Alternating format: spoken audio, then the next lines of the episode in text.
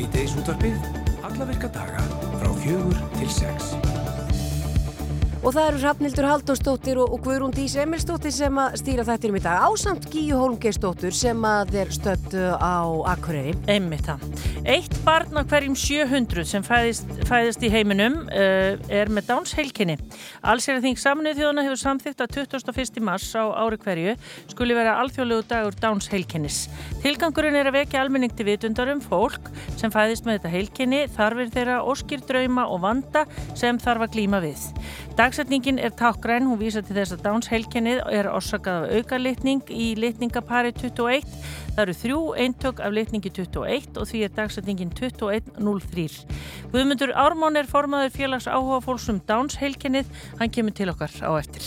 Næstkomandi 50 dag þá verður haldinn stóra ástefna um geðheilbreyðismál í hörpu. Það er heilbreyðisáðuneti sem að stendur fyrir ástefnunni og þetta er í tilefni að formensku ári Íslands í Norrænu ráþaranemdini.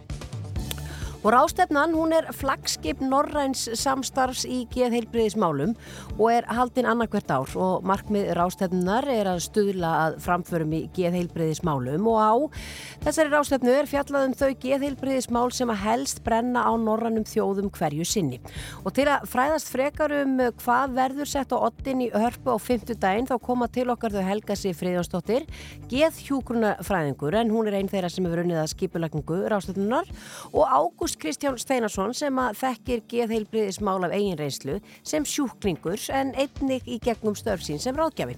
Og eins og alla þriðu daga þá komum við okkur í samband við Rúfa Akureyri, það er Gíja Holmgistóttir, hún ætlar að færa okkur fréttir af Norðan, meðal annars fréttir af Hrísegarferjunni og ræðir við hana Ásrún Ír Gestóttir sem er verkefnustýra yfir verkefnu Áfram Hríseg. Björn Emilsson, pródusent maðurinn, já meðal annars á baku spöggstofuna og tali og hemma Gunn, hann lætur að störfum hjá Ríkisútarpinu í dag og við ætlum að fá hann til okkar og eftir í smá spjall. Það eru ekki fáir sem að vita meira og, og hafa tekið þátt í fleiri verkefnum hér og rúf heldur en hann og við ætlum svona að spyrja um það helsta sem stendur upp úr á ferlinum og svo bara kannski um áhuga málun og svona hvað takkir við núna. Já og svo er það Stockfish, Stockfish filmfestival hátíðin sem að uh, verður haldið núna 2003 til annan april og þetta er auðvitað kvikmynda og ráðstöfnahátið fagfólks í kvikmyndabransunum og það er hún Hrann Kristinsdóttir framlegandi kvikmyndagerðarkona og listrætt stjórnandi hátíðarinnar sem kemur til okkur eftir. Þingfesting hófst í hérastofi Reykjavíkur klukkan tíu í dag vegna líkams árásar á barnum bankasetti klöpp í miðborg Reykjavíkur í nógumber. Sakborningarnir í málinu eru 25 talsins. Þeir yngstu eru 19 ára og þeir elstu á færtusaldri og já, til að fara yfir það sem að fram hefur komið í hérastofi í dag og kannski segja okkur aðeins bara forsögu þessar máls er hinga komin Valur Grettisson, fréttamaður, velkomin. Takk, kærlega. Já, ef við byrjum kannski já, bara á forsögu málsins fyrir þá sem að þekkja ekki til. Einmitt. Þetta er náttúrulega glæbamál, bara eins, eins uh, þótt ekkert að þau verða svo sem. Það var sérst í uh, oktober, november á síðasta ári. Þá var, var sérst hópur manna, 25 menn, reðust inn á sérst bankarstræti klubb held ég að heiti. Það er náttúrulega komið ángað en, hérna, en hann er um vist þarna. Uh, mennir komið þarna inn, fóru í kjallara húsins, reðust þar að þremur mönnum, uh, eiga hafa lamið á og meðalans voru þeir stungnir og skornir, nokkuð ítlan. Og úrverður að 25 manns eru sérsagt ákjærðir, þar á meðal eitt fyrir tilröndi mandráps fyrir að hafa stungið og skorið þess að þrjá menn og svo aðrir fyrir ímsar sakir, alvarlega líkamsár á sér, uh, mestu megni sínist mér og svo líkamsár á sér og svo framvegis.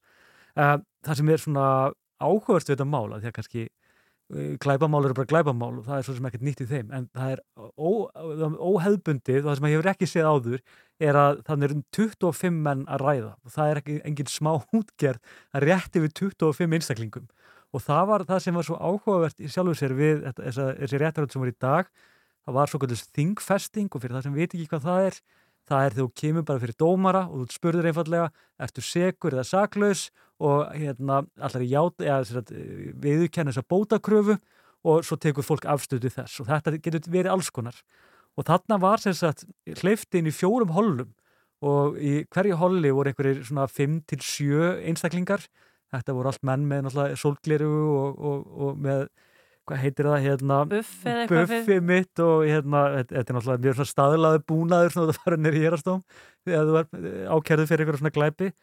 Uh, og þeir sér sagt faraðana inn, það var mikið viðbúnir á lögreglu, þarna voru já það voru ykkur fjóri lögreglumenn bara á ganginum uh, og svo voru tveir inn í salnum sjálfum.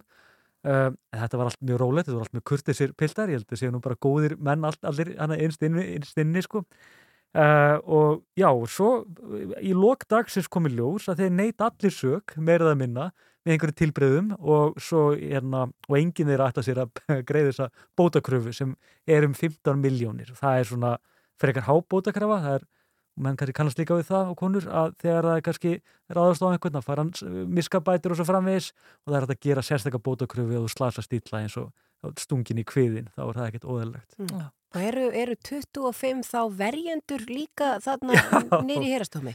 Já, þetta er líka það sem er svo áhugavert einmitt, að það er alveg til í dæminu og menn geta alveg verið með saminlega lögfræðinga og lögmenn. En þessu tilfellir eru 25 og ef þið viljið kynja grein í dag, ég ekki að það fyrir slisn í dag, þá er þetta einn kona og 24 karlar sem eru lögmenn hanna Uh, og þeir, já, þetta eru alls konar lögmenn og ekkert endilega allir svona sem að sér allir jöfnu í svona glæpamálum, margir hverjir hann sem eru, sem eru bara já, í allt, allt annars konar málum sko, og það eru alls konar ástæði verið því. Og bæði bara eru lög, lögmenn skipaðir og þá eru þeir oft bara á listum hreinlega og það er bara gengin eða listan uh, að hálfu lögreglu, hvernig sem það er.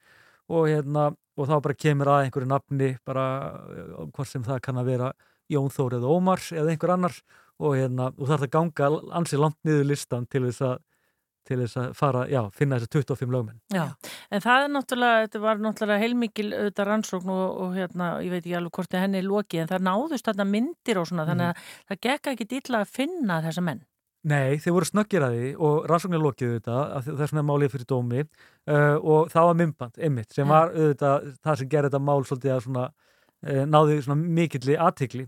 Uh, já, já, og þessu mymbandi, þetta er mjög óhugnarlegt mymband en það er ekkit endilega, það er mjög gott gagn í málinu gerir á fyrir, en það er örgulega heldur en að vinna að greina hverjir eru þarna að verki og svo framvegis. Já, en, en, en, en hvernig er það, verður, er, er útlitt fyrir þunga dóma í þessu máli af því að þetta mm. getur ekki verið veruleiki sem að við viljum að verði bara einhvern veginn eðlilegunir í miðbæi að fólk get ekki setið inn á skemmtistaði eða veitikahúsi og það kom allt í hennu menn þarna inn og, og valdi svona skada? Nei, heldur, heldur betur. Ég held að það væri, við vildum öllur að lausa það.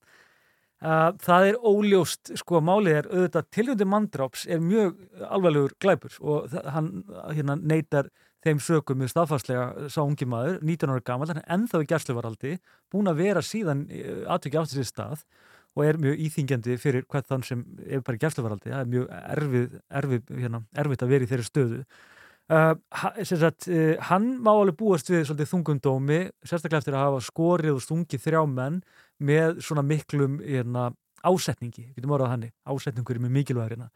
En ef hann aftur á mótið sínum fram á hann og ekki ætlaði að drepa mennina, þetta er umverulega tilhundi mandrást, þá verður hann að segja ég ætlaði ekki að bana þeim og saksónari verður að reyna að sína fram á að, hérna, að, það, að það hafi vakið fyrir honum eða all, í það minnst að hann geta búist við þeirri niðurstuðu hvernig þessi máli færi. Uh, hinn er aftur á móti, þeir bara takið og bara lemja þá, bara eins og við sjáum hverju hver einustu helgin er í bæ bara alvarlega líka á sára á sér og svo framvegis. Já. og ég er ekkert svo vissum að uh, þeir dómar verðin eitt sérstaklega þungir en þetta eru oftar en ekki menn með ákveðna sögur á bakinu, þetta er náttúrulega það er kannski ekki fyrsti glæpur eins og fremur ekki alltaf að að fara í svona aðstæður. Kannski eru menn búin að vera gera eitthvað annað undan, við veitum ekki sko. Já, En þessir menn tengjast þá allir einhvern veginn?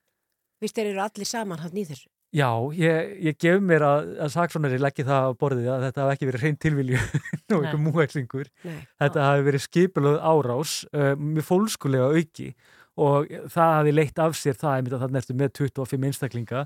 Uh, sömur með á, kannski annars konar uh, e, verkefni heldur en að ráðast á viðkomandi kannski að passa upp á eitthvað að það hefur útlistað og, hérna, og það, það gerir það verkum með mitt að málið er sérstaklega flókið.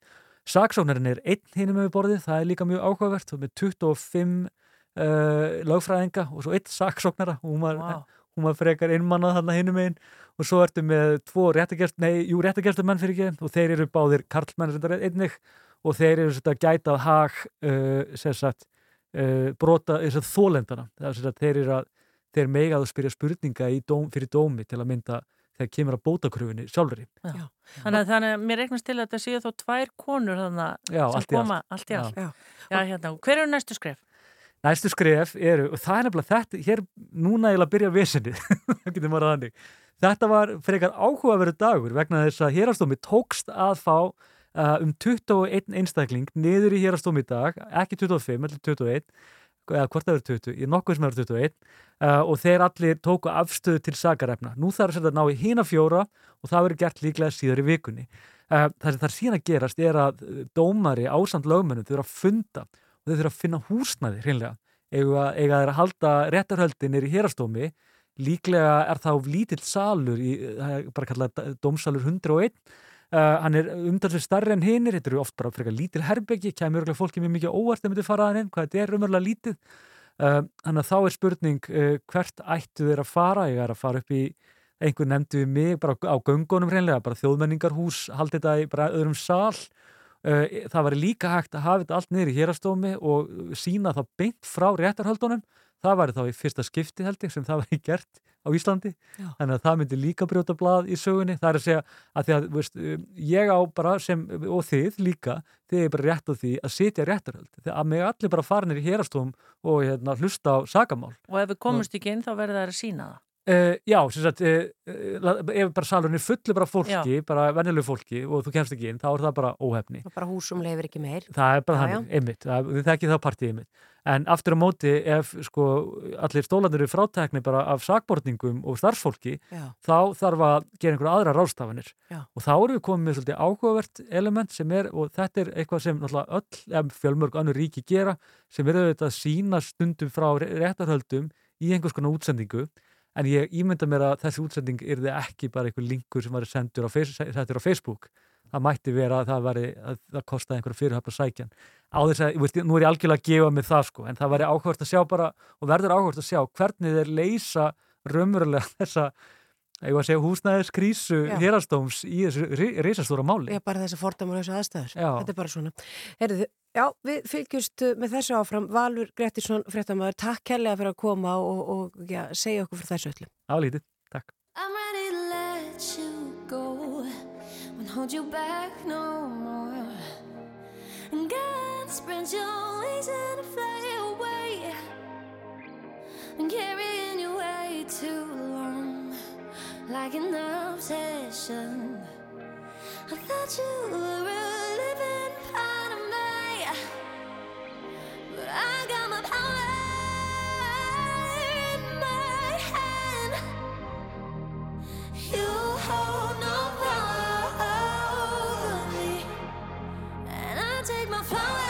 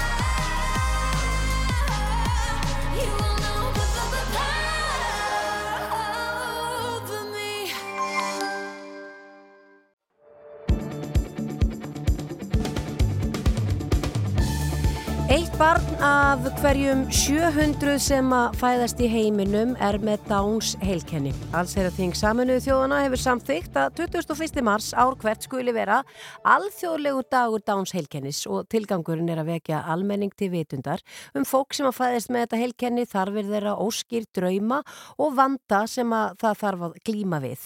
Og dagsetningin, hún er tákgræn. Hún vísa til þess að Downs heilkennið er orsakað af auka litningi í litningapæri 21 og það eru þrjú eintök af litning 21 og því er dagsningin 21.03 og hann er komininga til okkar Guðmundur Ármann formaði félags áhuga fólks um Downs heilkennið. Bara velkomin. Takk fyrir að bjóða mér, gaman að vera með ykkur. Til ham ekki með daginn.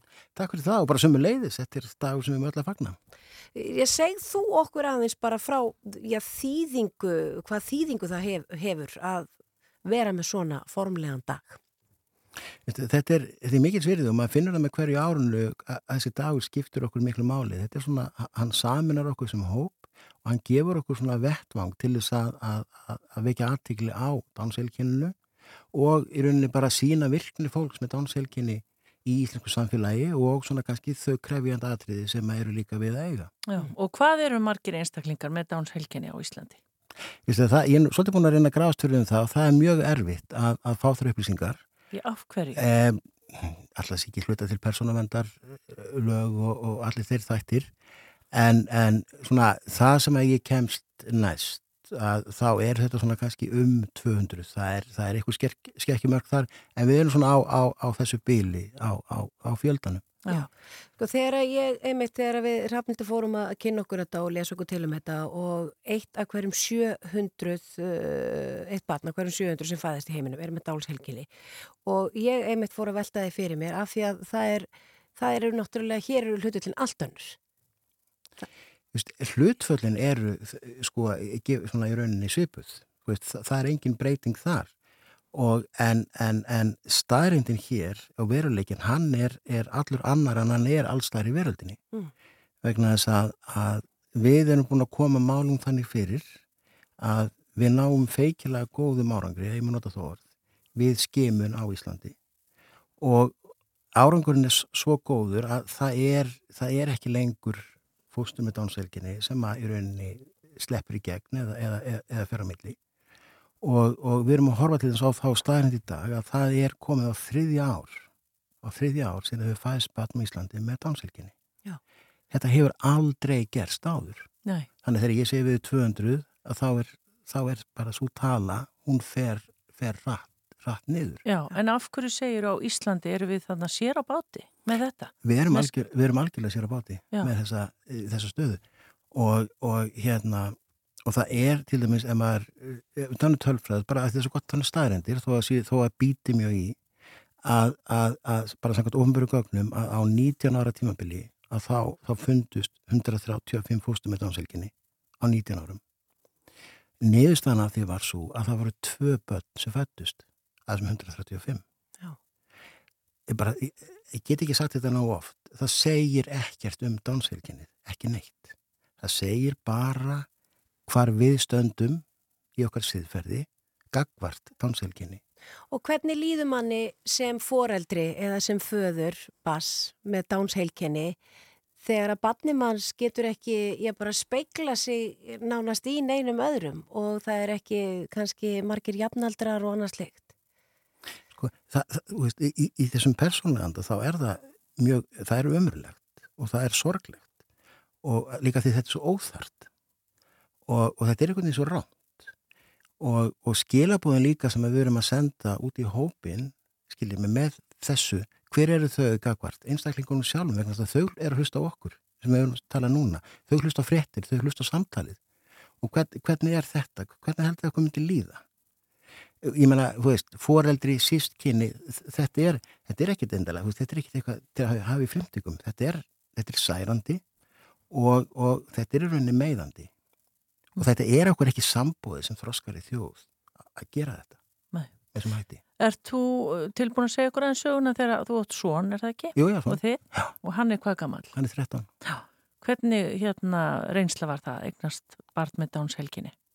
sko, það er ég er heppin í á, í á þrjú bönn, ég á tvær stelpur og svo í strákmynd á hans og, og þetta er bara, þú veist, eins og ég held bara allir, skiljum mig, fóreldrar bara að, ég menna, vegferð barnan okkar, hún er bara alls konar og hún er einföld og hún er flókin og hún er, hún er bara hér og hún er þar og hún er svona og hún er hinsegin og það er engin munur á því skiljum á þeirri vegferð hjá okkur sem eigum dansbann hún er bara svolítið öðruvísi hún er ekkert betri, hún er ekkert verri hún er bara alls konar og, og, og, og ég myndi segja hún er að mörguleiti meira gefandi þess að maður horfir á hlutina með öðrum hætti maður fær aðra sín á hlutina.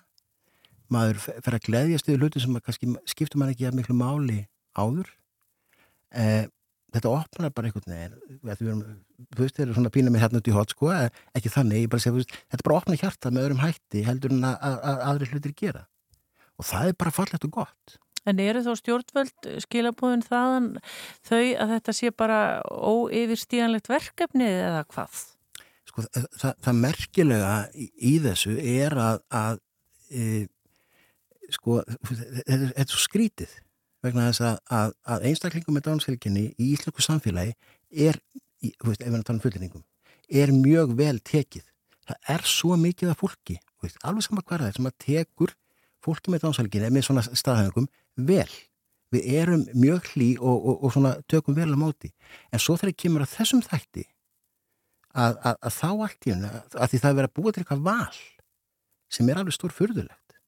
Sem getur verið áhætta fyrir fóreldra, verandi fóreldra eða móður að, að fara í þetta tjekkar það ekki?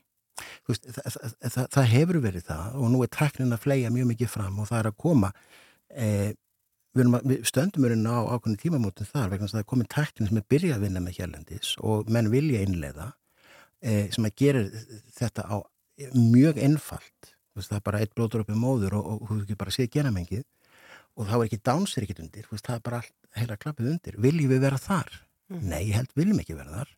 En teknin er og upplýsingarnir eru þarna, aðgengi er gríðarlega gott og, og þetta, er, þetta er miklu einfaldara til þess að, að grípa inn og skoða hjá, hjá verðandi móður en, en það sem er verið að pandurubóknum sem eru að opna er, er, er, er, er, er stór hættulegt Uh og, og, og það sem er svo sérstætt við er það að það er engin lagrami það er engin sem hefur tekið ofnbærlega engin í íslensku stjórnkerfi ákvörnum það að það eigi að leita að dánshylg, hérna það er engin lög, það er engin reglugerð það er engin það, það er ekkit, það er engin sé, skipun eða eitthvað frá, frá ráð þeirra að landlæknin segir, heyrðu ég tekið ákvörnum það sem embætsmaður að það eigi að gera þetta. Þetta er bara verið að gera En, en af hverju byrjuðu við á þessu? Það er galið. Úst, spurgið þið ég, ég fæ ekki svar, ég, ég skil þetta ekki. Það eru margar þjóðir að skema veist, og, og allt það. En það er, það er í öðru formi og, og, og þeir eru að segja að fólk hafi frjálst val í þessu.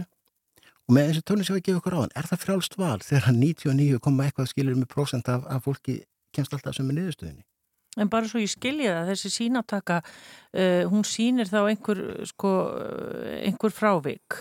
Hvað er það þá sem fólki fær að vita? Að, núna í skimunum eins og það eru verið að framkvæma þær þá er fyrst og fremst verið að leita dánshelginni já, það er, Já, það er bara þannig. já, já. Það er, eru enda þrjú helginni en, en, en, en hinn tvö eru þannig að, að, að það er lífslíkur og annað eru, eru hverfandi og, og það er annað sem að sko við verðum að láta hljóma hátt og það er það. Og saminu þjóðunar, alls er að þing saminu þjóðuna. Hvað gerur þeir sama, á sama tíma og gerur daginn í dag að alþjóða degi dánselginnis?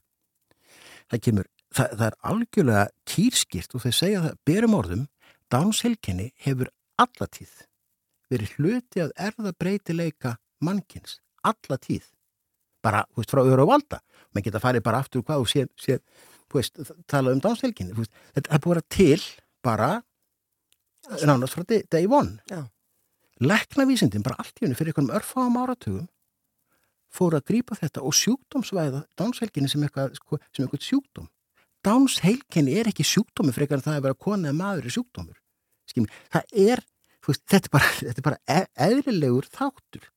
Er fólk með dánshelginni pínlítið öðruvísi? Já, já. Þú veist, eru konur öðruvísi, kallar öðruvísi, er svona veist, það er, en það er ekki, þetta er ekki sjúkdómur. Það er ekki sem það er að lækna.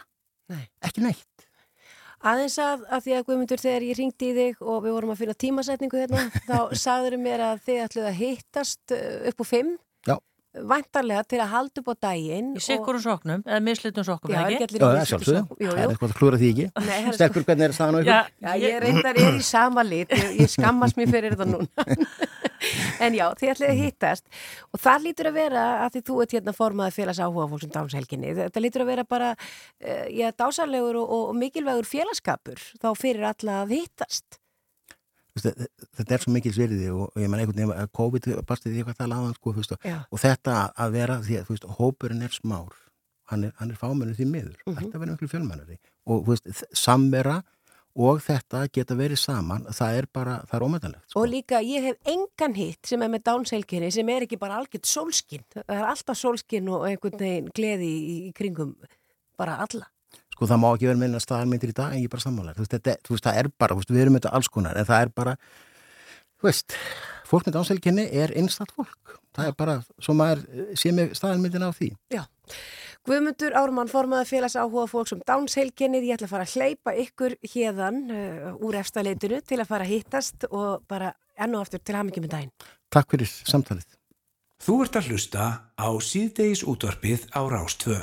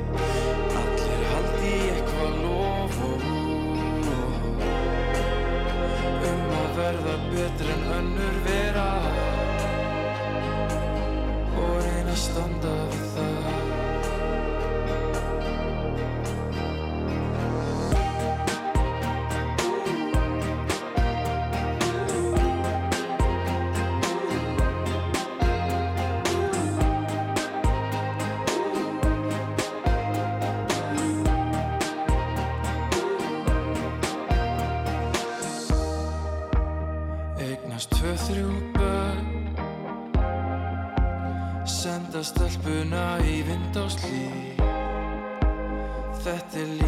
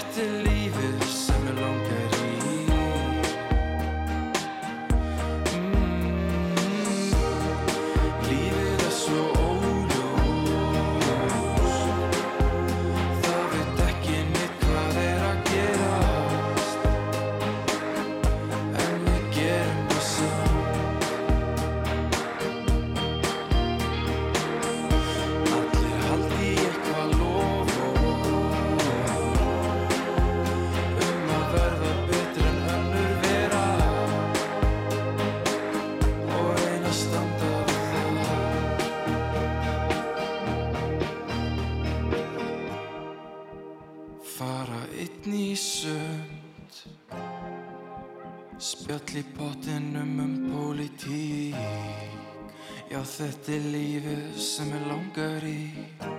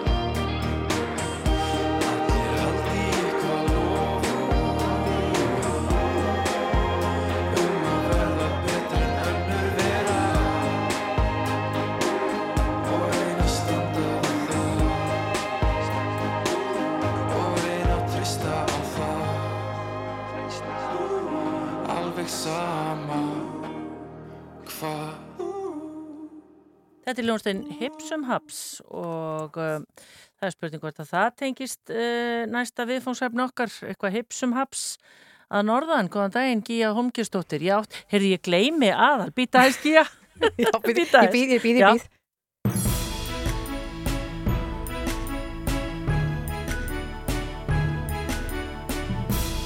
Þetta þannig að vera svona hrafnildur. Mér finnst þetta alltaf eins og sé Óskarsvelun. Já, því við erum alltaf, mér líður eins og við séum í hérna Desperate Housewives eða eitthvað. Við erum að taka sko alla einhvern veginn á einhvern fallegan ævitrjálega Já, stað. um mitt. Já, sem að er. Akureyri. Akureyri. Og á þessum fallega stað Akureyri er indislegt veður, allir eru góðir, allir glaðir. Já, Ha. þetta er akkurat svoleiðis. Allir Já, brosa. Þetta er svolítið svolítið, já. Hvað hvað er annars svona efsta bögi? Efstabaugi hér fyrir norðan, svona við tökum Akureyri, það eru þetta þessar fréttir eh, sem að koma frá hlýð, dvalarheimilinu hlýð. Þetta eru svona stærstu fréttinnar. Já. Eh, Þið munið eftir að það var fjallað um miklu þarna fyrir einhverju síðan en ástandið er samt miklu verra en áður var talið. Þannig að þetta er þetta bara voða leiðilegt og á nú staðamiðlinn akureyri.net sem hefur fjallað mikið um þetta mál og fyrir þá sem svona eru forveitnir þá hefur Skafti Hallgrímsson blaðamaður þar fjallað ítalið um þetta í, í mörgum greinum og það er nú uh, þar sem nýfurinn er í kunni það er hvernig skiptingin er á milli ríkisins og akureyrabæjar snýst um eignarhaldið á þessu húsnæði. Fréttastofan ætla líka eitthvað að fara yfir þetta nánar og svona. Er það þá sem sagt upp á lagfæringar? Hver ber ábyrðina? Í rauninni, já. Það þarf að laga og húsið hefur verið í mikillir niðurlýslu lengi og þetta eru þetta bara allt spurningum peninga. Hver á að borga brúsan? En hvernig er í millitíðinni meðan er verið að laga, hvernig er verið að retta húsnæðismál?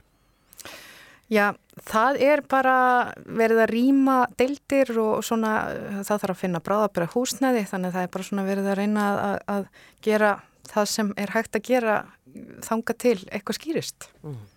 Skils mér. Já. Þetta er svona það sem ber hæst. Uh, Já, þetta eru svona þessar stærstu fréttir en svo er ég með svona gleðilegri fréttir. Já, Það er til dæmis uh, listasafnið á Akureyri. Það er alveg metfjöldi sem er núna að leggja leðsina á listasafnið á Akureyri og vitið þið af hverju? Nei, segðu okkur. Ég skal segja ykkur. Í fyrsta lagi þá eru þetta bara listasafnið á Akureyri óbúslega flott og metnaðafullt listasafn. En svo er þarna líka núna verkið Visitors eftir Ragnar Kjartansson. Já. Munið eftir því verki. já, þetta með vídjóin öll úr Já. stóra húsinu, það sem allir er að Já. gera eitthvað alls konar í hver, hverju herbyggi fyrir sig. Já, já, allir að spila uh, á hljóðfæri í sitt hverju herbygginu. Ég veit ekki, þau eru eitthvað átta eða nýju, þau eru allavega mjög mörg mm Mhm. tónlistamennir og Ragnar Kjartansson sjálfur er hérna í baði að spila á gítar, á baðgítarinn sinn.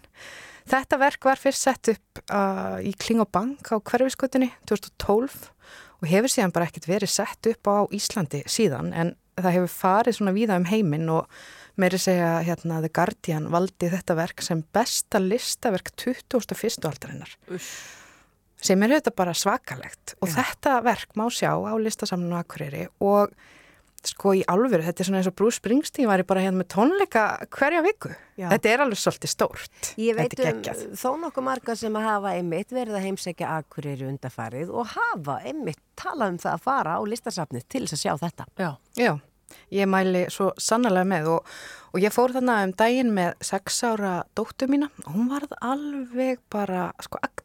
Hún- og þetta er klukkutíma langt sko verk. Eða sem sagt, maður getur gengið inn í þetta verk hvernig sem er en þetta tekur svona klukkutíma að renna í gegn allt þetta eina lag sko.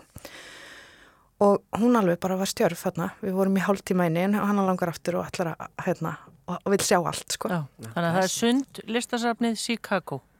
Já, nákvæmlega, þetta er svona gullin þrýhjörtingurinn okkar Svo eitthvað sinni, þetta er flott. en síðan er hérna ætla ég að svona í lokin að ræða um samgöngumál Einmitt. er það ekki alltaf Jú, skemmt? það er mjög heitt mál. Það er heitt mál og samgöngumál hjá af því að það viti ekki allir að Hrísey er hluti af Akureyri, sveitafélaginu. Þannig að ferjumálin, það hefur verið ykkur óvisa um svona þjónustu Hríseyjar ferjunar Baldurs, hvernig henni verið háttað. Ég sló í dag á þráðin til Ásunar Íra Gjerstóttur íbúa í Hrísei. Hún er verkefnistjóri í verkefni sem heitir Áfram Hrísei og eru þið með klippuna með henni Allt Ásrúnu? tilbúið sko. geggjað. Og hún sagði með svona nýjustu fréttir af ferjunni. Við skulum heyra hvað hún sagði. Það nýjustu fréttir eru þær að það er búið að semja um rekstur á hísjaferðinu Sævar út árið 2023 en uh, ferjan var búin út hérna eh, fyrir jólinn og það fór pínu upplausn og það var að gera svona tímabundir samningur við uh, um reksturinn út mars á þess ári. Já.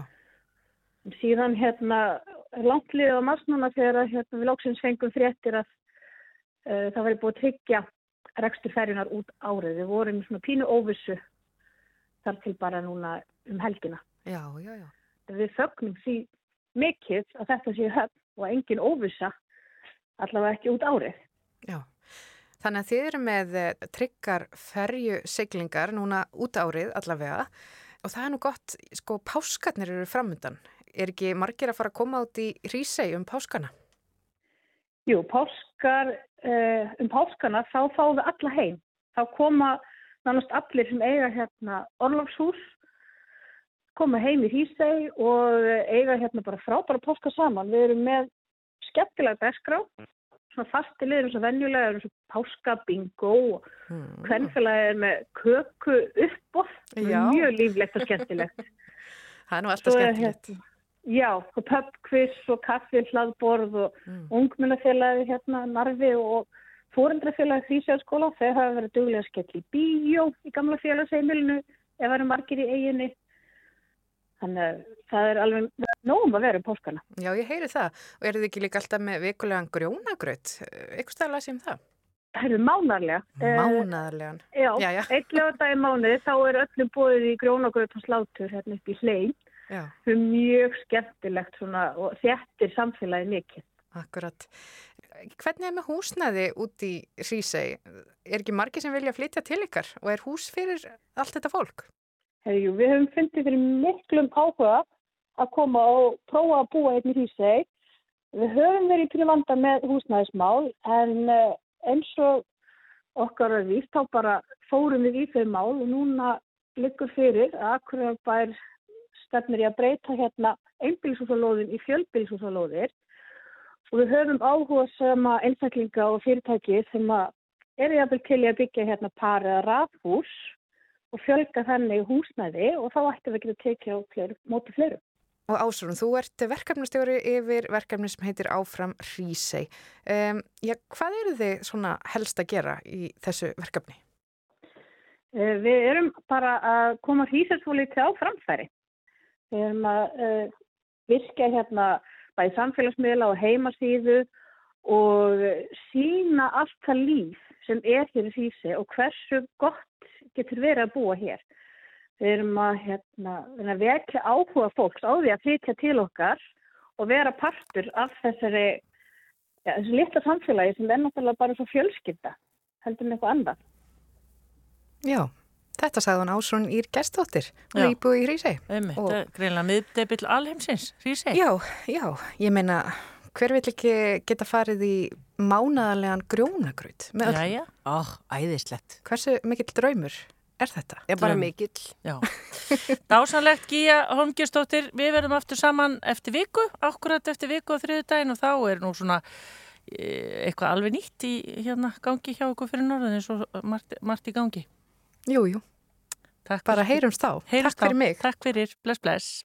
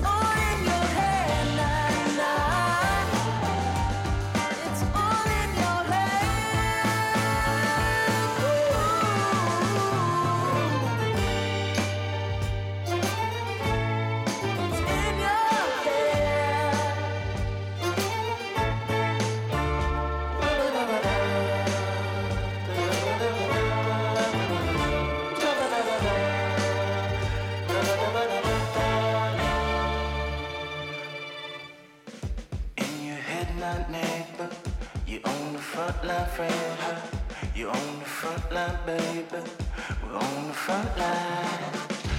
In your get together, baby. You're on the front line, baby. You're on the front line.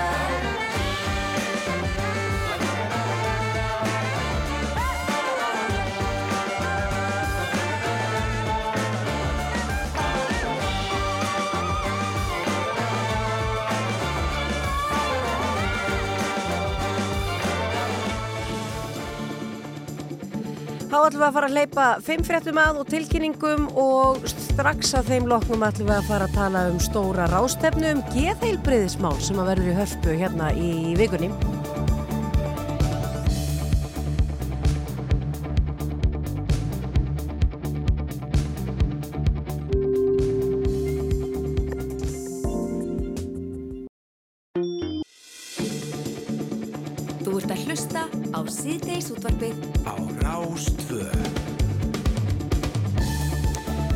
Höldum áfram í síðdegisúttöpinu uh, næstkomandi 50 dag, bara núna á 50 daginn, þá verður haldinn stóra ástefna um geðheilbriðismál í hörpu og það er heilbriðisáðunetti sem að stendur fyrir rástefnunni og þetta er í tilefni af formmennsku ári Íslands í Norrænu ráþæra nefndinni og rástefnan, hún er flagskip uh, svona Norræn samstarfs í geðheilbriðismálum og er haldinn annarkvert ár og nú er komið á okkur og markmið rástefnunar er að stöðla að framförum í geðheilbriðismálum og uh, þarna er fjallað um þau geðheilbriðismál sem að helst brenna á norrænum þjóðunum hverju sinni. Og til þess að fræðast aðeins frekar um þetta og líka svona hvað og kannski helst að taka fyrir núna í hörp á 50 daginn þá eru þau komin ykkar til okkar Helga Sif Friðjónsdóttir, geðhjúkurnafræðingur hún eina af þeim sem að hefur unnið að því að skipuleikja rástefnuna og svo Ágúst Kristján Steinarsson sem að þekkir geðheilbriðismál af eigin reyslu sem sjúklingur og einni í gegnum störf sín sem ráðgjafi komið í sæl. Sæl, takk fyrir. Já, kannski svo við byrjum á að skipulegja svona reysar ástöfnu, Helga, þetta lítur að, að já, taka daldið á. Já, það er allt búið að vera á fullu í tölvöran tíma og, og kannski svona stærsta áskorinu og skemmtilegsta er að finna fólk til að taka þáttir ástöfnu allt svo að vera með erindiði innlegn eða standa fyrir vinnust og annað og, og að því þú nefndir að þetta er uh, norrænt samstarf og þá er þetta ekki bara sem sagt, fólk hér á Íslandi sem að við erum lítið til heldur kannski svona uh, stærsta vinnan fe fælst í því raunin að grafa upp sko gemstinina út um öll Norðurlund þar sem að við getum öll lært eitthvað af. Það er sem sagt fólk sem að er að fást við þetta alla daga. Já, það er sagt fólk sem að er í rauninni bæði notendur og veitendur gerbjörnstjónustu alla daga við svo erum Norðurlund að koma og tala saman, eiga samtal, uh, þemar ástöfna er samvinn og samsköpun Þannig að þetta er svona vettangu fyrir okkur öll þess að koma saman, uh, hlusta hvert annað, læra hvert að öðru og, og búa til nýja þekkingu, nýja tækifæri og nýja leiðir til að, að þróa áfram geðheilbriðstjónustu. Já, og hvar stöndu við uh, þessar norrænu þjóðir í, í geðheilbriðstjónustu, svona bara með að við önnu lönd sem við berum okkur sama við?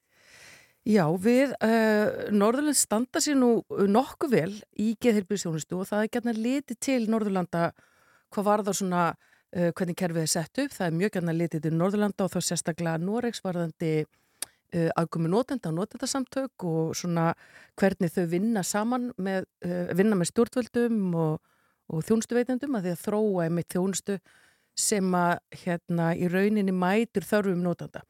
Og þar hefur verið unni ötulega því að, svona breyta þessu, þessu svona innri valdastruktúr í heilbískerfi sem ofti er uh, svona meira yfir í, í notenda með að þjónustu Mm. um, og eins og við höfum verið að gera við það. Uh, Samanskapi hefur, er eftir í teikið hversu vel Norðurlöndin að standa sig í uh, forröðning fyrir sjálfsögi og eftirlefundur, svona post-vention uh, þróun, hvað gerum við þegar einhver hefur í rauninni tekið sitt eða líf og hvernig vinnum við úr því með öllum sem þarf að koma. Og það er ekki kannski, stað, það er náttúrulega fjölskyldana sjálfsög en það er líka vinnufélagur og allt samfélagið og við hefum alveg ímsar e, svona áskorunar á Íslandi og við höfum verið að læra því. Ímislegt er óunnið og við erum það er hérna aðgera állun í sálsinsforvöldum sem að likur fyrir og við verðum að vinna að, hérna, eftir hérna á Íslandi og við höfum náð ágættisframförum en á sama tíma þurfum við að gera enn betur. Já.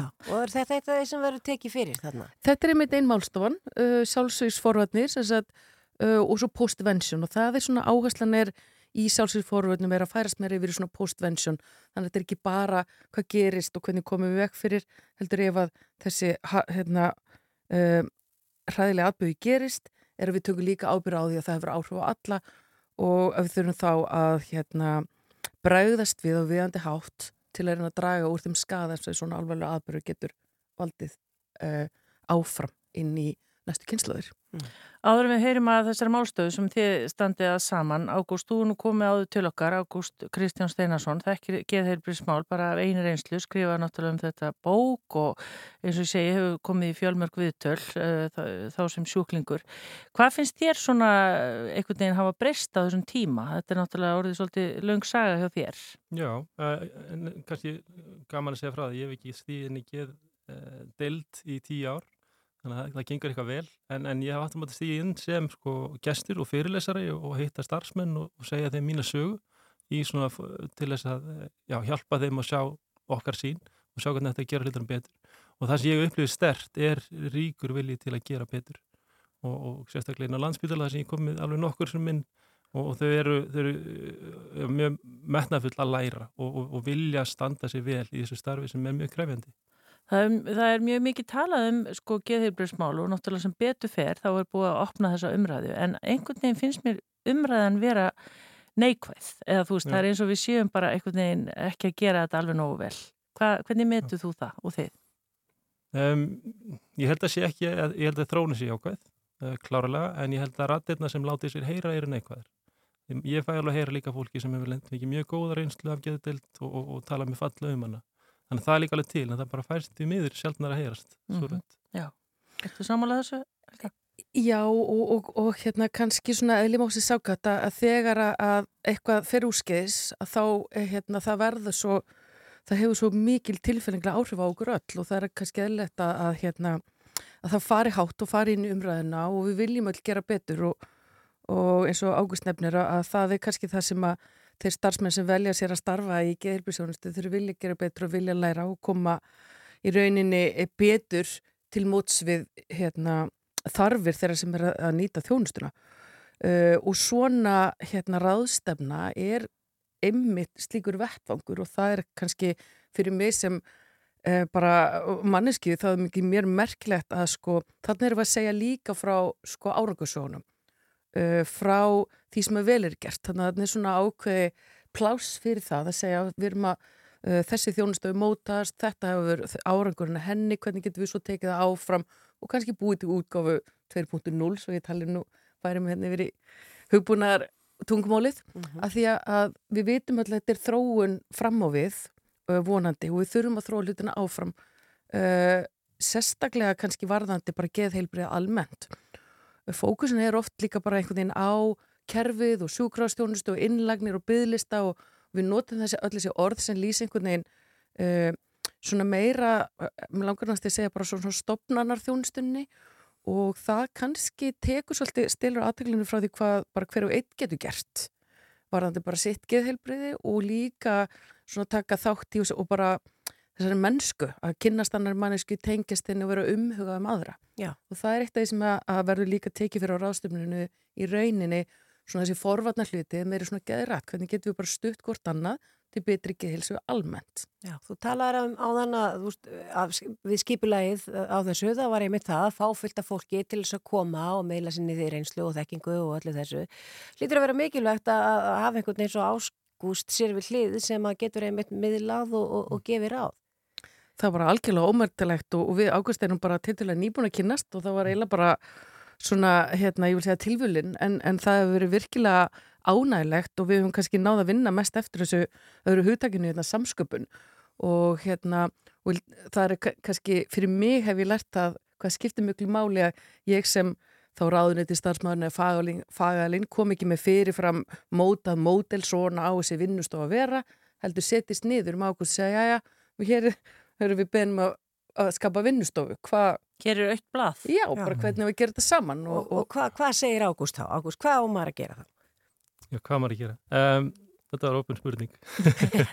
Hva- hva- út af hvað gengur Já, ykkar ég skal, já, ég skal nú segja, segja, segja Já. frá því og þetta er mjög áhugavert að því ég hef, ekki hugsa út í þetta þannig að þetta heitir sem samvinna á samsköpun og þetta þýðir, samvinna þýðir að þegar þú ert að njóta þjónustunar og þú fór að taka þátt í henni sem er ekkit sjálfgið og mín reynsla almennt hefur ekki verið þannig, ég er að taka móti ykkur sem er sagt að ég er að gera í, í, og, og það hefur alltaf trublað mig í, í mínu ferli uh, þannig að það, það, er eitt og, og það er frábært en hittir síðan samsköpun þá er það að reyna að taka þátt í að skapa starfið, að taka þátt í að móta það og þannig að það sé unnið út frá hagsmunum notendans og hvernig hann sér það.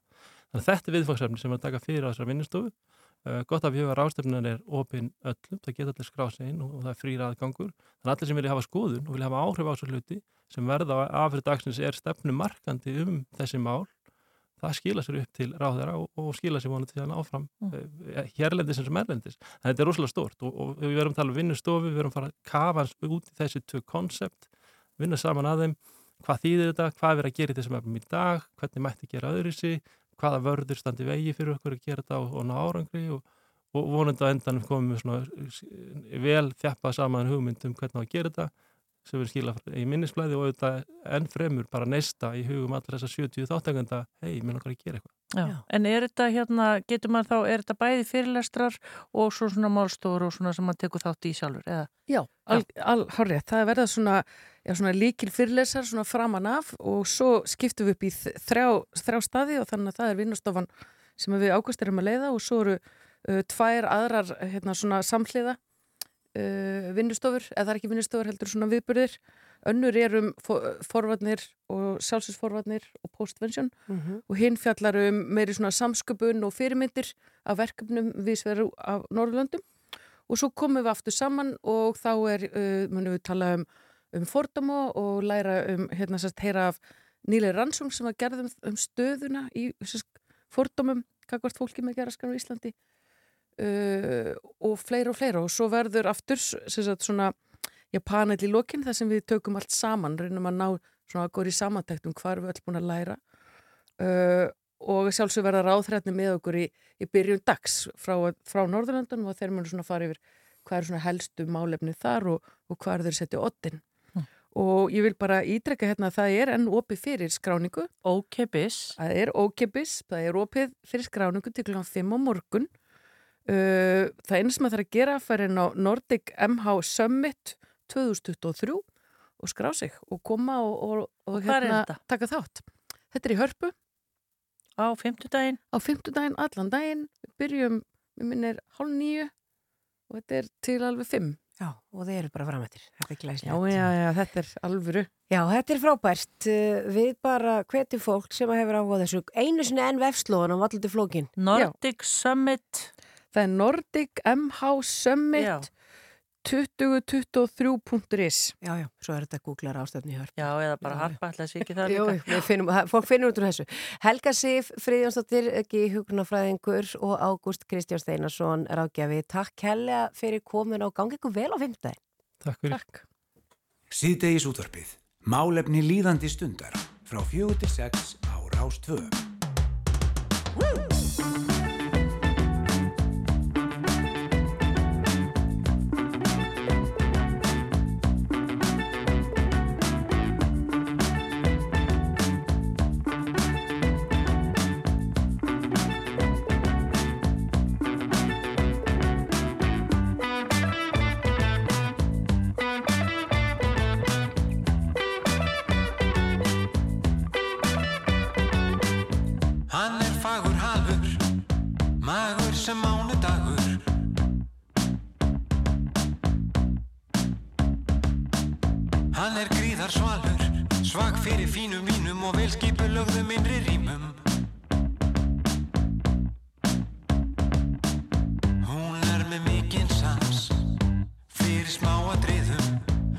Dansar vilt að dansa, allra kynnslóða, polkar, æl og valsa.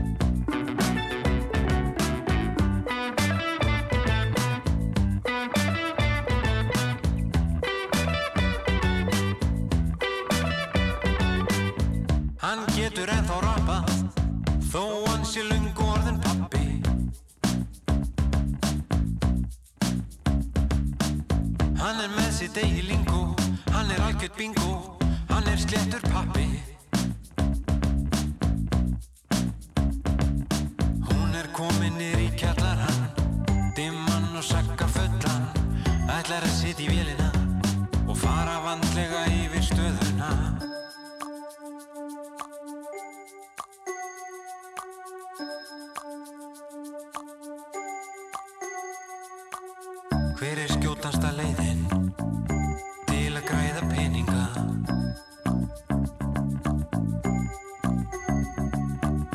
Hver er fljótlegasta leiðin til að fanga lífsamingjuna?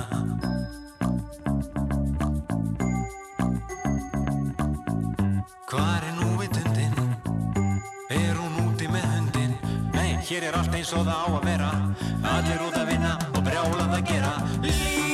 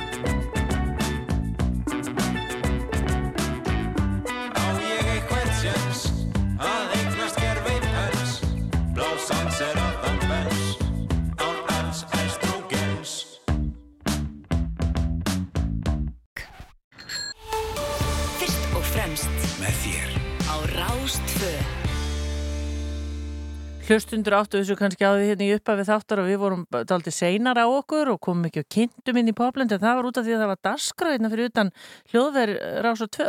Já, það var heljarinnar þarna dagskrá hjá okkur þegar að við vorum að, að já, það var svona verið að heiðra mann. Já, það var verið að heiðra mann og uh, hann heiti Björn Emilsson, það var nefnilega þannig að uh, já, hann var svona með formlegum hætti að, að kveðja rúf, það er nú yfirleitt, yfirleitt þannig að, að þegar menn kveðja þá eru þeir ekkit alveg farnir en, en velkomin Björn Emilsson. Já, takk fyrir það. Komið þeir óvart, vissur eitthvað? Partíinu? Mm, já, sko, ég vissi svona að partíun, já, en ég bjóstu kannski svona 20 manns. Já. Já. svona, svona, hérna, svona nánustu starfsmennu hér. Það eru náttúrulega reynda fleiri en 20. Já, já. En hins vegar byrtist heil hersinga fólki. Já. Og ég átti nú ekki vona því og þar á meðal gamla gengi sem kvöldu svart hvítað gengi úr sjónvapinu í gamla daga því ég er nú búin að vera í sjónvapinu í 56 ár. Já. Þannig ég er búin að upplefa eins að tíma. Svarkvita gengi er þá hvað? Já, það er fólki sem var í sjónpjörn og meðan að sjónpjörn var svart hvít Já, einmitt. og við erum nú ekki mörg eftir sko Nei, svona ofanjarðar en, en hérna heini voru með hérna. já, já, já, við, það voru alveg miskutið 30-40 svartkvítir svartkvítir. Já, við- þetta er hár starfsaldur uh, við út að segja 56 ár og ef þegar ég var að taka saman svona smá texta, ég skrifaði Björn Nefnsson pródúsent, ég vissi ekki, er til eitthvað íslenskt orðið við það? að- Ekki framleiðandi, eða hvað er það? Eð- Já, hvernig er það? sko við erum, sko þetta hefur verið svolítið vond, sko þetta hefur verið hérna, þetta er í rauninlega framleiðandi og leikstjóri Já. það er eiginlega það er eiginlega svolítið erfitt að þetta hefur aldrei verið almennilega sett yfir á íslensku Það er ekki að fá Braga Valdi bara eitthvað til þess að laga þess þetta? vegna, en við erum yfirleitt kallaðir hérna pródusentar sem er náttúrulega ekki gott Nei.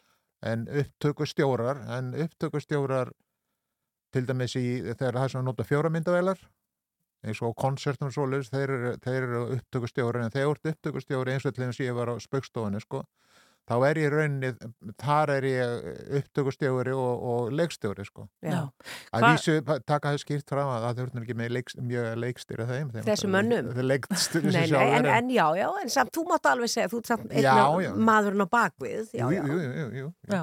Þú sagðir hérna í ræðinni, stuttur ræðinni á torkinu, 1200 sjónvastættir. Já. Það, 1200? Já, 1200. Ég, bara, ég þurfti bara að melda þessa tölu. Já, já. Þetta er svakalegt. Já, já, samkvæmt hérna, safninu hérna, þá er, er ég með 1200 sjónstætti ekki alveg jafn marga titla, spökstofa náttúrulega voru einhverju 300 þetta, eða ég man ekki hvað voru það. Fyrir hlustundur sko, hérna, þú veist, þetta er allt frá auðvitað, hemmagun, spökstofan, garðinu með gurri, Og, og, og, og heilsubæli. maður. Heilsubæli, Sem við þykjum hérna á ennstum öll. Já, það hefur nú elst vel maður. Vá. Já. En hvað hérna, hvað ætla Bjössi að fara að gera núna? Bjössi ætlar að halda áfram hérna að monta sig í líkamsrækt. Já. Þrjá, Já. þrjá, þrjá daga í viku. Ég er búin að vera þar í 22 ár. Já, ertu að rífi lóðinn? Já, já, en ég skil ekki, ég þingist alltaf vitlisum megin.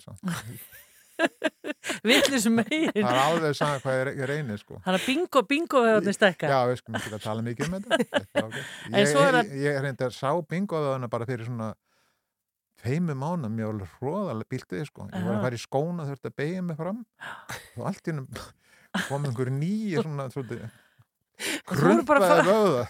Þú voru bara að fara í bingo. Já, já, er það er nógu tími. Já, en svo náttúrulega er ég búin að vera að taka bæsefti og þrýja höðan og, og, og til þess að reyna að styrkja þetta þú En ég meina, en Björn, það er líka, þú ert sko þúsundtjala smiður, þá kvísla að mér hérna að einu sinni, þá saumaður öll föti. Já, ég, Já. ég ger það enn. Gerur það enn? Já, það er smá leyndamál að hérna, ég fer, ég fer kaupið vilt buksur dressmann, Já, auglýsing, það er nú borgarfrelda. já, já.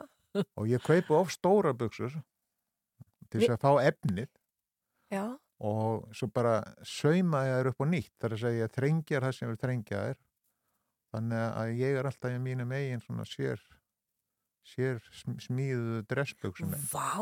Hvar þarf aðalega að þrengja þér? það þurfti einu svona lítið að þrengja þær að ofan Já. já, þetta er, vá, þetta er vel gert, það er ekki Já. allir sem gera þetta. Nei, og svo náttúrulega í gamla dag sauma ég fötið mín, bara jakkafötið mín og ég saumaði líka fyrirvenda koninu mín og ég kom bara heim og góðan daginn og þá var að vera í tísk einhverja, einhverja stuttbuksu, það var ræðilegt tíska. En ég meina, þú veist, þú náttúrulega, varstu þá að sauma þegar 80s tískan var og allt Já, þetta og glamúrin og svona? Já, já, já.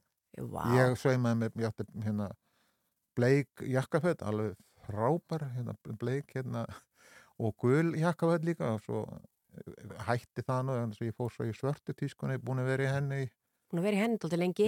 Virka, maður virka grenri.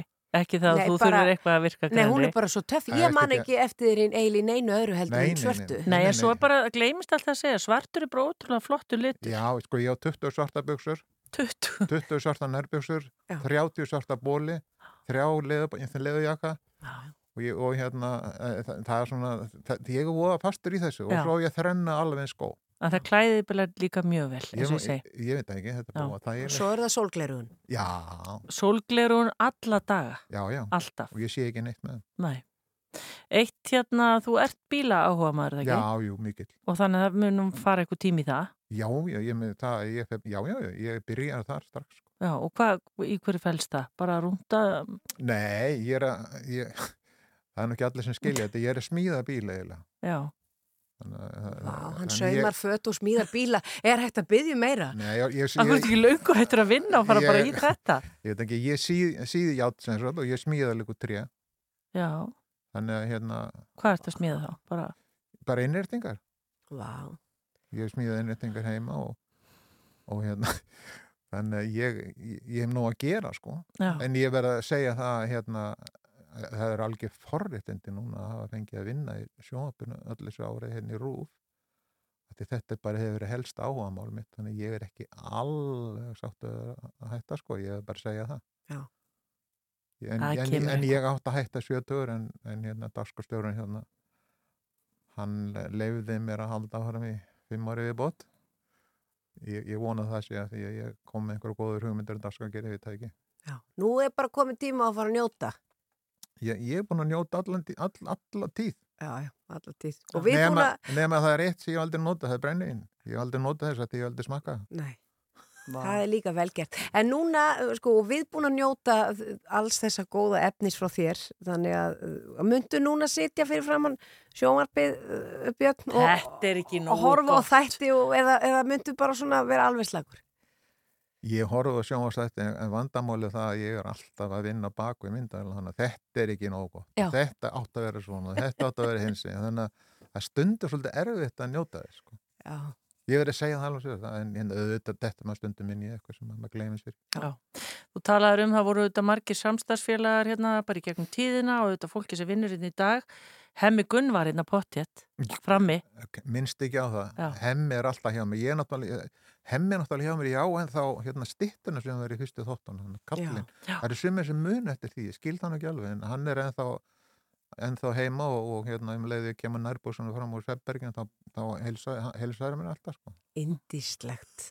Það muna allir eftir þessari styttu. Já. Þetta er frábært. Og næst þegar ég hugsa um hana, þá mun ég hugsa um þig vera Já, ég. Ég hugsa alltaf um ykkur. Já, að, takk fyrir. Við völdum nefnilega lag með Hemma Gunn. Já, við ætlum, að, að, já, við ætlum að að taka eitt lag með Hemmagun svona í, í lokin. Björn Emilsson, producent, uh, ég er bara maðurinn á bakvið spöggstofuna og tali og Hemmagun svo miklu, miklu meira. Bara takk fyrir þitt framlag. Já, takk fyrir.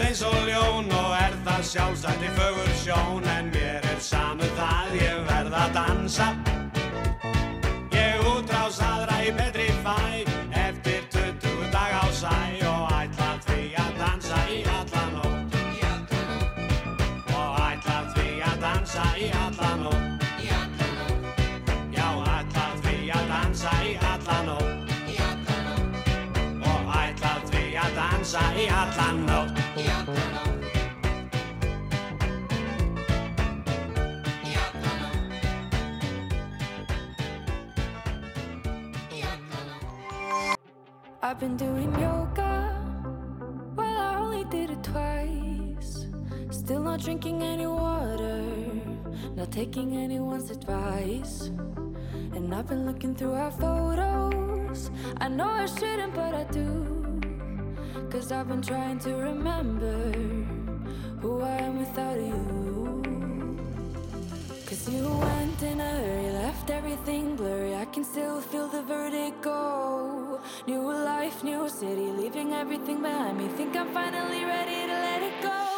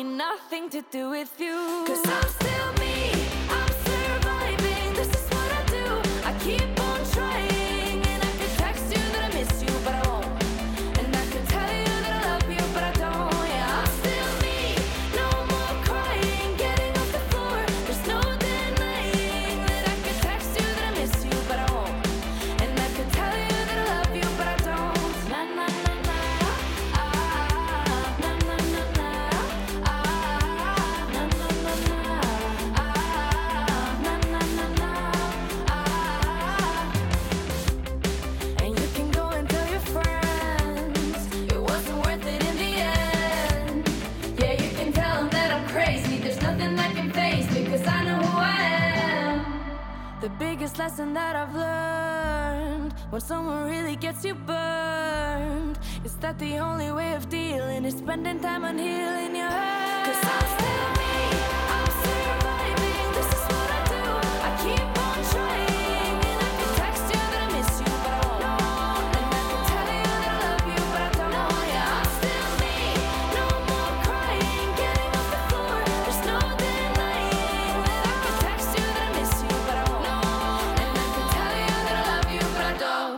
Þetta er um Kristín Cecilia og lag sem heitir I'm Still Me. Við ætlum að fara næst í uh, kvikmyndahátti sem heitir Stockfish Film Festival and Industry Days sem að þeir í bransanum kalla bransadaga og þetta verður haldið núna í nýjunda sinn 23. mars til 2. april í, uh, í Bíobar Bíóparadís og þetta er sem sagt kvikmynda og ráðstöfnahátti fagfólks í kvikmyndabransanum og hún er komin yngan Hrönn Kristinsdóttir sem er listrætt stjórnandi hátíðarinnar og er auk þess framleiðandi og kvikmyndagerðarkona. Velkomin. Takk fyrir. Það er aldrei blómlegt í hérna kvikmyndabransanum, mann finnst einhvern veginn allt verið að gerast. Já, það er bara rosa gaman hjá okkur Já. og við erum sem sagt að fara að stað í nýjunda skipti núna með, uh, með Stockfish uh, komið ný stjórn uh, nýjir, hérna, nýjir og við erum svona aðeins, að við byggjum alltaf góðan grunni uh, uh, síðust tíu, uh, nýja ár.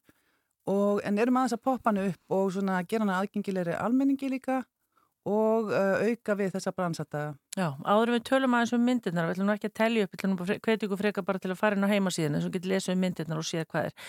Hvað hérna, er þetta sem sagt fyrir hvernig, ég mann er þetta fyrir fólk sem er kannski bara rétt nýbyrjað í námi í, í kvikmyndabransanum eða fyrir hver er þetta að hugsa? Sko hátíðin sjálf með uh, sínum myndum er opin öllum almenningi og ætti að vera mjög aðgengileg, bæði sko fjölskyldum, kvikmynda áhuga fólki og bara fólki sem hefur almennt áhuga að fara í bíó. Já, það meiri sem Og myndin þeir- um Astnan. Já, sem er algjörlega frábær. Ég sá að hún Já. fekk hérna velun á Evrósku kvikmyndahátíðunum en Hún hérna var tilnæmt til Óskars líka. Já, þannig að það eru myndir hérna bara allur skalinn Já, bara. þannig að mjög hérna og ekki of margar myndir þannig að það, fólk þarf ekki að fyllast valkvíða en eitthvað fyrir alla og mikið af tilnæmdum myndum sem að hérna, ekki hafa verið síndar hérna áður. Já, en bransadagarnir? Bransadagarnir eru aðgengilegir öllum, uh, gæti að sagt.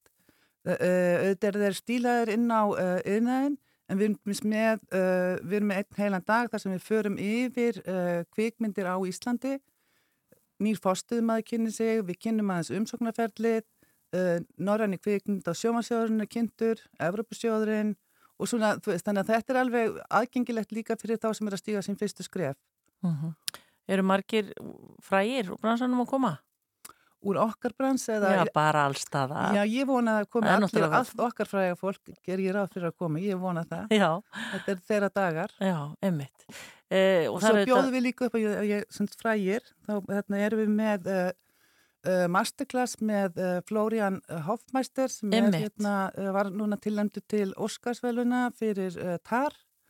Hann er uh, verður með masterclass, masterclass í, í lokháttíðar og þá Eh, sínum við myndina líka. Já, og hvað hva, hva mun að taka fyrir það í þeim, masterclass? Hann, uh, hann er alltaf kvikmyndtökumæður þannig að hann mynd helst uh, taka fyrir það sem hann hefur verið að uh, vinna bæði það og fókusera svo á þessa mynd sem tilnæmdu var núna og auðvitað hann að skjóta núna True Detective hérna Mhm. þannig að það muni eflust einhverju spyrjum það líka Já, það er að hæg heima tökin. Já. En svo er þið líka, er þið ekki að heiðra eitthvað? Eða... Við erum í fyrsta skipti ár að hérna veita heiðisveðlaun og nú erum við að veita þau einhvern sem hefur sem sagt, eh, verið uh, lagt mikið að mörgum í uh, kvikmyndaheiminum, hvort sem er hér á landi eða í útlandum og í þetta sinn er það Mike Downey hann kom nú hérna í desember um, á vegum European Film Awards og hann, honum verða veitt þessi veðlaun núna sem sagt 2009.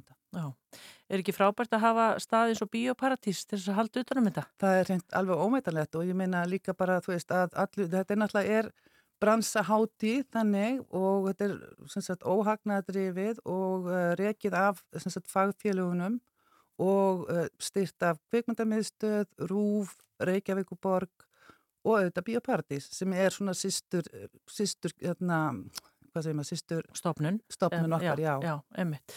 Og bara enn og aftur að hvetja fólk til, er það ekki bara Stockfish, hvernig er heima síðan? Stockfish Filmfestival .is Já, það eru alla myndirnar af því að það er svolítið leiðilt að vera að hérna, draga einhverja fram fyrir aðra hérna, það er svo, allt svo áhuga að vera myndir. Algjörlega. Rétt í lokin, Hrönn uh, Kristinsdóttir, hvað er að fyrir þetta dýrinu sem að þú framlitir á samt öðrum? Það er búið að binda það við staur. Það er það? Eða þannig að það er hægt að ferðast svona mikið allavega. Þannig að við ætlum að fara að snúa okkur einhverju nýju. Já. Er það þannig að það bara tekur, bara ferðast um allan heim og svo bara... Já, það allavega hægir á. Þetta var, þetta var mikið, hérna, mikið ferðalag. Já, og gekk vel. Gekk vel, já. já. Góða skemmtun á Stokkvis hátíðinni og allir áhuga samir, bara hérna, það eru ennþá hægt að skrá sig, er það ekki? Algjörlega og aðgengilegt fyrir alla og bara ég hvet alla til að mæta. Takk fyrir komina. Takk sem leiðis. No matter